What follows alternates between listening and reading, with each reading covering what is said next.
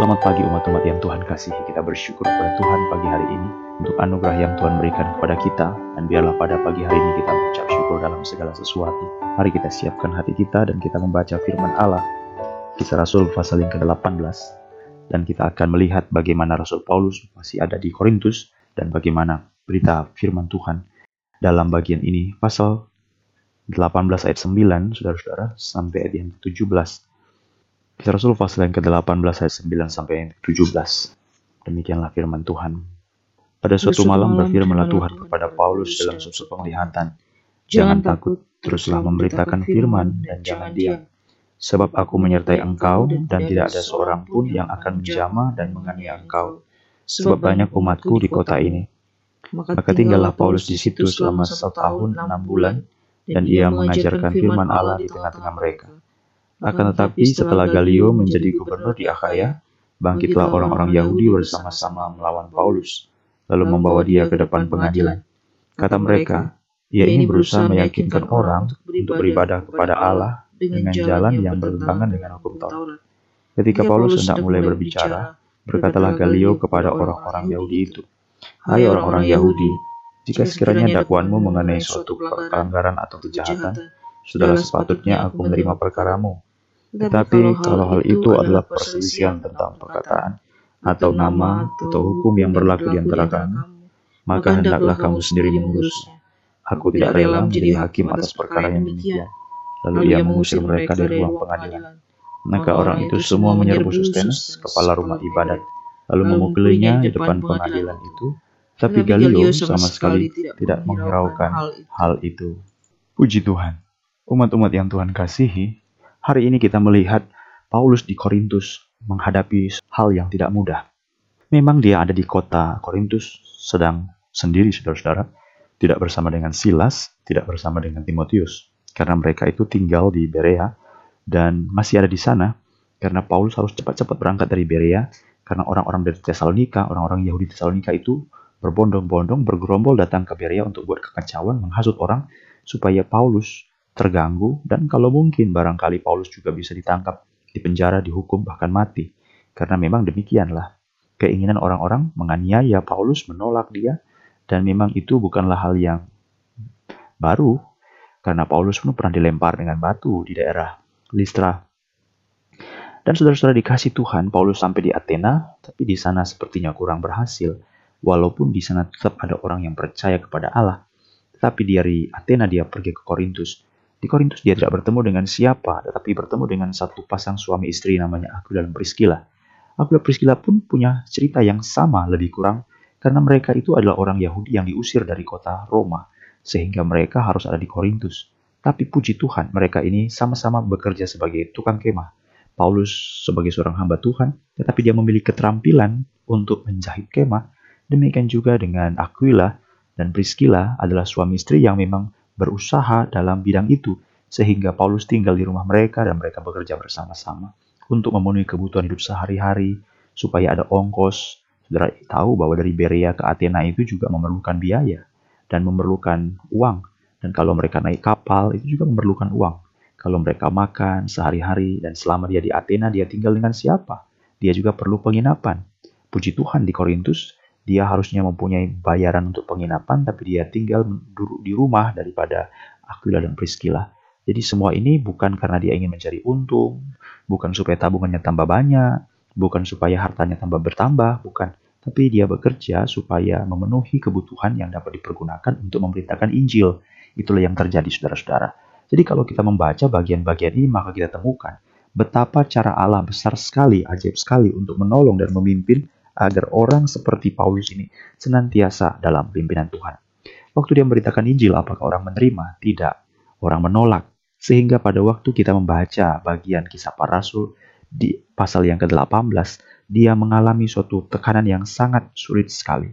Dalam ayat yang ke-6, ketika orang-orang memusuhi dia, menghujat dia, ia mengebaskan debu dari pakaiannya dan berkata, biarlah darahmu tertumpah ke atas kepalamu sendiri. Aku bersih, aku tidak bersalah mulai dari sekarang aku akan pergi kepada bangsa-bangsa lain. Jadi, keluarlah ia dari situ. Ayat yang ketujuh, keluarlah ia dari situ. Tidak ada orang yang mau percaya kepada dia. Ya, memang itulah yang terjadi. Tetapi saudara-saudara ayat yang ke-9 ada sesuatu hal yang sangat-sangat berbeda. Yang dihadapi dengan yang diberitakan oleh Tuhan berbeda. Pada suatu malam berfirmanlah Tuhan kepada Paulus dalam suatu penglihatan. Jangan takut, teruslah memberitakan firman dan jangan diam. Sebab aku menyertai engkau. Tidak ada seorang pun yang akan menjama dan menganiaya engkau. Sebab kalimat ini penting sekali. Sebab banyak umatku di kota ini. Pada waktu itu, mungkin Paulus bisa berdalih, seperti Petrus dalam Lukas pasal yang kelima. Dia baru pulang daripada menjala ikan, tidak mendapat apa-apa. Tapi Yesus katakan, labuhkan jalamu, tebarkan jalamu. Tuhan, Guru, aku sudah sepanjang malam mencari ikan, tapi nggak dapat. Nah sekarang ini kan berlawanan. Bagi Petrus, tidak ada ikan. Tapi Yesus katakan, labuhkan jalamu. Ya tentu ada ikan. Yang benar ini mana sebenarnya? Aku udah sepanjang malam loh. Aku udah melihat langsung, merasakan langsung, menyaksikan langsung dengan mata kepala sendiri, mengalami langsung. Demikian juga Paulus bisa berkata, Tuhan, apa-apaan? Apa nggak salah? Masa kau bilang banyak umatku di kota ini? Aku baru saja ditolak, aku baru saja dihujat, aku baru saja tidak diindahkan. Kisah Rasul pasal 18 ayat yang ke-6. Aku dimusuhi, aku dihujat, Bagaimana mungkin mereka menolak firman Tuhan? Mereka menolak Injil, tapi Tuhan sendiri berkata, "Banyak umatku di kota ini." Apa tidak salah? Tapi dari sini kita bisa lihat, sering kali cara kerja Allah berlawanan dengan fakta yang kita alami. Seringkali cara kerja Allah berlawanan dengan kenyataan yang terlihat. Jadi, ini adalah cara kerja Allah. Itu sebabnya pada pasal yang ke-18 sebenarnya ada suatu hal yang lebih kurang sama tapi ini bukan Paulus ya yang mengalaminya atau yang mengatakannya, tetapi ini adalah orang-orang. Mari kita baca dalam ayat 13. Jadi pada waktu itu Paulus ditangkap, dibawa ke pengadilan, mau dibawa kepada gubernur untuk wali gubernur itu boleh memberitakan pengadilan kepada Paulus dan orang-orang menuduh dia dengan tuduhan seperti ini. Kisah Rasul pasal 18 ayat 13. Kata mereka, Paulus ini berusaha meyakinkan orang untuk beribadah kepada Allah. Sampai di sini sudah benar ya. Dia berusaha meyakinkan orang untuk beribadah kepada Allah, betul ya? Tapi kalimat buntutnya itu nggak enak. Dengan jalan yang bertentangan dengan hukum Taurat. Jadi hukum Taurat mengajak kita untuk beribadah. Ya toh, ya jelas lah. Hukum Taurat pasal yang keempat atau dalil yang keempat. Ingatlah dan kuduskanlah hari sabat. Beribadahlah Orang tidak beribadah itu, dia melanggar hukum Taurat. Pelanggar hukum Taurat itu adalah orang yang jahat sekali. Setiap pelanggaran kepada hukum Taurat patut diganjar dengan hukuman mati. Beribadahlah kepada Allah. Tetapi menurut orang-orang Yahudi, dia mengajak orang dengan jalan yang bertentangan. Loh, ini suatu hal yang dilihat oleh orang, tapi sebenarnya inilah yang terjadi oleh Paulus sendiri. Secara kasat mata dia lihat orang memusuhi dia. Secara kasat mata dia lihat orang membenci dia. Tapi Tuhan mengatakan, terus memberitakan firman. Jangan diam, tetap ada di kota ini. Karena di kota ini banyak umatku. Loh, waktu semalam aku khotbah, waktu semalam aku memberitakan Injil, umat Tuhan itu ada di mana? Di mana mereka semua Tuhan? Kenapa nggak muncul? Kenapa nggak hadir? Kenapa nggak timbul? Udah berapa orang aku berbicara? Udah berapa orang aku ajak? Udah berapa orang aku beritakan Injil? Udah berapa orang aku bagikan tentang Kristus? Tetap aku tidak menemukan siapa pun juga. Tapi kenapa Tuhan mengatakan banyak umatku di kota ini? apa yang Yesus katakan kepada Petrus. Hal yang sama Yesus katakan kepada Paulus. Kalimat bisa beda, tapi prinsipnya tidak berubah. Sama, yaitu sering kali apa yang dilihat oleh manusia, bukan itu yang dilihat oleh Allah. Menurut manusia sering kali jalannya bertentangan, tetapi di mata Allah itu bukan pertentangan, tetapi penggenapan-penggenapan. Tetapi Allah memberikan makna yang istimewa, yang sesungguhnya, makna yang sejati. Itulah sebabnya kita perlu rendah hati, Jangan kita pikir aku sudah ngerti Alkitab. Cerita Alkitab aku sudah tahu kok. Aku tidak perlu lagi. Padahal Alkitab mengatakan keselamatan yang kita terima itu harus diselidiki. Banyak orang lupa dia beriman kepada Allah untuk mencapai hal-hal yang jasmani. Padahal tujuan iman kita adalah keselamatan jiwa. Ada banyak orang juga berpikir aku sudah diselamatkan. Kalau aku sudah selamatkan ya sudah, keselamatan adalah keselamatan, aku percaya.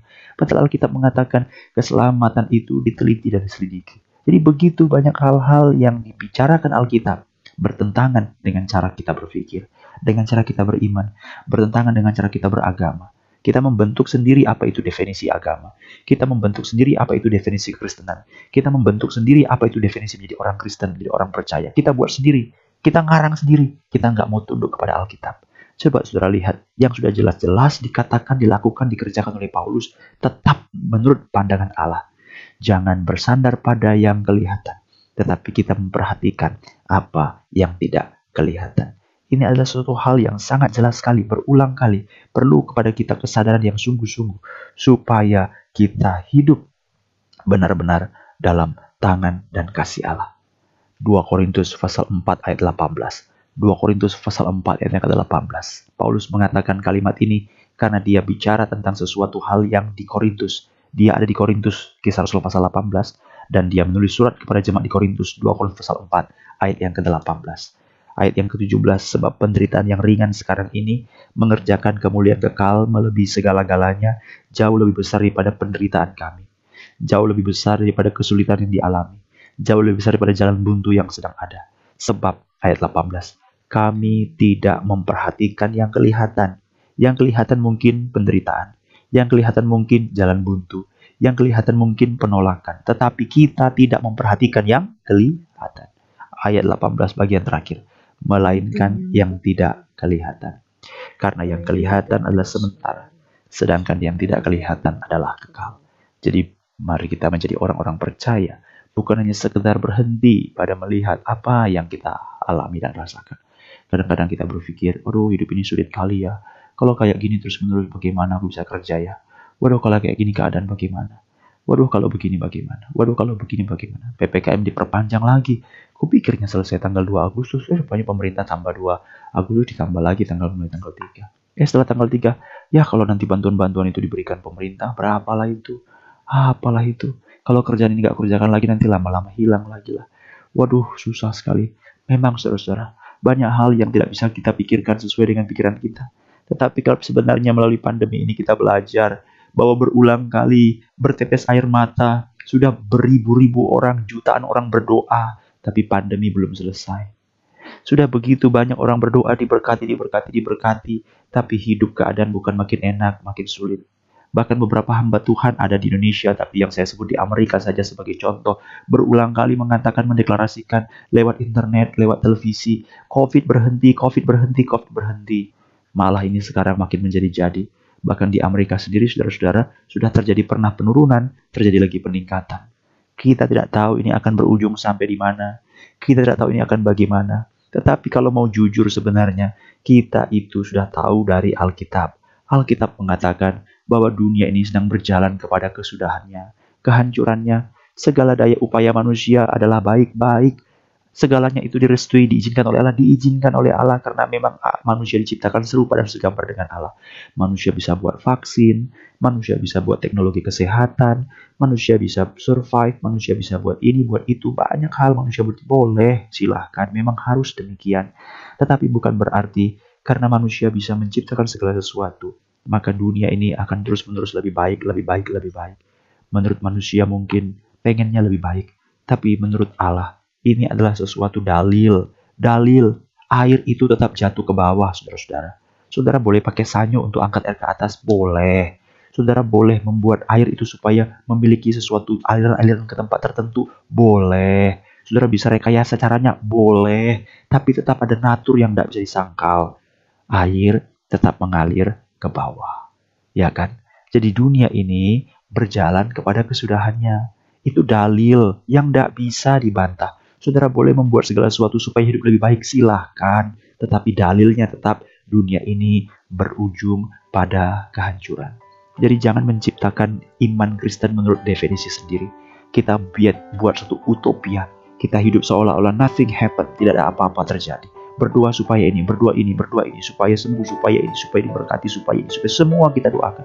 Padahal itu adalah suatu doa yang tidak sesuai dengan firman Allah.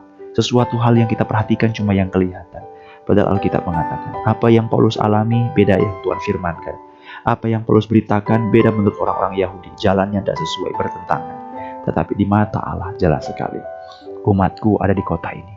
Maka Paulus ayat yang ke-11 dalam pasal 18 kisah Rasul ayat 11, 18 ayat yang ke-11.